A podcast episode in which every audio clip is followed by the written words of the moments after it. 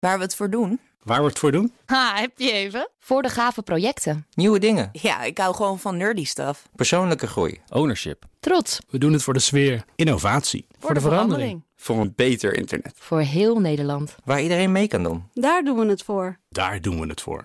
Waar doe jij het voor? Kom werken voor KPN en groei op jouw manier. Check de actuele vacatures op het gebied van data, security, development en networking op jobs.kpn.com/tech. Wetenschap vandaag. Dankzij een nieuw apparaat kunnen cellen per stuk bestudeerd, beïnvloed en gesorteerd worden. Het moet het testen van medicijnen op individueel niveau in een stroomversnelling brengen. We gaan het erover hebben met wetenschapsredacteur Carlijn Meiders. Een goedemiddag. Goedemiddag. Waarom zijn ze dit gaan ontwikkelen, Carlijn? Ja, wat willen ze hier nou precies mee bereiken? Onderzoeker Katalin Chimeril van de Universiteit van Exeter vertelt dat het ze om twee dingen gaat. One big reason is better understand how the cell functions and by correlating how what the cell does with what is in the cell that can be analyzed later when you, when the cell is sorted, we can achieve that. The other reason is that for example in if we are if we are speaking about personalized medicine, you can take the cells from a patient and see how these are different from a different patient. Dus ze willen patiënten met elkaar kunnen vergelijken, begrijp ik dat goed? Ja, maar dan uh, per cel, per celfunctie zelfs. Wow. Uh, misschien goed om even te vertellen hoe hij hier überhaupt op kwam. Uh, als je uh, menselijke cellen wilt bestuderen, bijvoorbeeld om te kijken, functioneren ze gezond of hoe reageren ze op bepaalde medicijnen, dan moet je ze ook kunnen identificeren.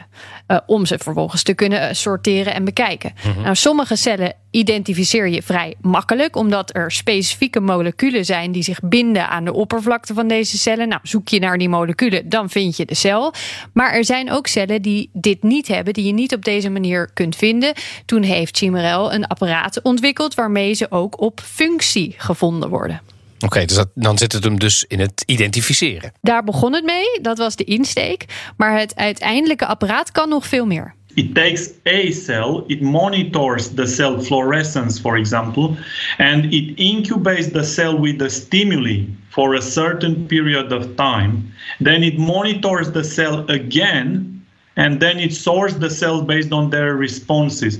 Okay, Carlijn, dit apparaat, hoe moet ik dat voor me zien eigenlijk? Ja, dit klinkt nog heel vaag natuurlijk. Maar Ja. het is eigenlijk. Je hebt van die eh, microchips waarop die systeempjes gemaakt worden. Deze moet best wel veel kunnen. Dus die is wat groter. Plaat van ongeveer 30 bij 30 centimeter. Waarop je dus allerlei vloeistofstromen vindt.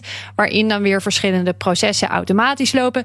Identificeren van het celtype. Toevoegen van een stimuli. En dat kan bijvoorbeeld een medicijn zijn. Het bekijken van de reactie van de cel daarop. En dan het sorteren van de cellen op basis van die re- reactie. Bijvoorbeeld, je wil de cellen scheiden die, het heel, die heel goed reageren op dat medicijn.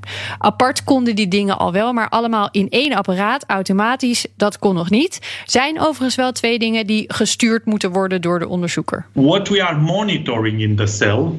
So, what process we are monitoring in the cell, like for example, the concentration of calcium in the intracellular space, and we have to choose the stimuli. The device will tell us how this function for each, each single cell in the population changes when the cell is exposed to the stimuli over time. En kun je dan alle soorten cellen in dat apparaat stoppen? In principe wel, maar ze moeten wel in leven kunnen blijven in dat apparaat. En dat lukt beter met cellen die al gewend zijn om in vloeistof te leven, zoals bloedcellen bijvoorbeeld. Eh, sommige andere cellen zijn gewend om zich te hechten aan oppervlakte, maar haal je die daarvan af om ze in dit apparaat te stoppen, is de kans groot dat ze beschadigd raken. En ze zijn dus van nature al niet zo happy in een losse vloeistof. Je kunt ook verschillende soorten medicijnen testen. Ja, ook dat kan. Eh, ze hebben nu de blauwdruk vrijgegeven van dit apparaat. Eh, en als je eh, in je lab de juiste spullen en expertise hebt, dan kun je dit gewoon gaan namaken en het gaan gebruiken. En dan kunnen biologen er van alles in gaan testen. Zelf willen ze nog kijken, kunnen we ontwerpen maken waarmee specifieker naar één functie of één afwijking gekeken kan worden. Eh, door hier en daar wat te optimaliseren. En dan kunnen individuele patiënten nog veel beter geholpen worden. Ja, en dus om het, om het dan weer even terug te halen, voor mezelf hoor, maar misschien eh, eh, waar het over gaat, is dat, dat we dus een nieuw apparaat hebben en die, en die, die, die cellen per stuk kan bestuderen en sorteren, et cetera. En uiteindelijk moet dat ertoe leiden, Carlijn, dat eh, het testen van individuele medicijnen sneller gaat en efficiënter gaat. Leg ik het zo goed uit? Ja, eigenlijk wel. Je kan allerlei dingen die we al konden nu in één apparaat. En dat moet allemaal leiden tot nog uh, specifiekere medicijnen. Echt per individu, per cel dus van een individu uitgezocht. En betekent het dan tot slot dat het bijvoorbeeld zou kunnen leiden tot wat meer maatwerk voor bepaalde soorten medicijnen en dus bepaalde soorten ziektes? Ja, zeker. En het betekent ook dat we nog dieper op het mechanisme van die cellen, op die functies van die cellen kunnen gaan inzoomen. Dus uh, uh, beter kijken wat werkt en beter kijken voor wie het werkt. Beter maatwerk is zeker uh, waar het uiteindelijk naartoe moet. Leven de wetenschap. Dankjewel, Carlijn.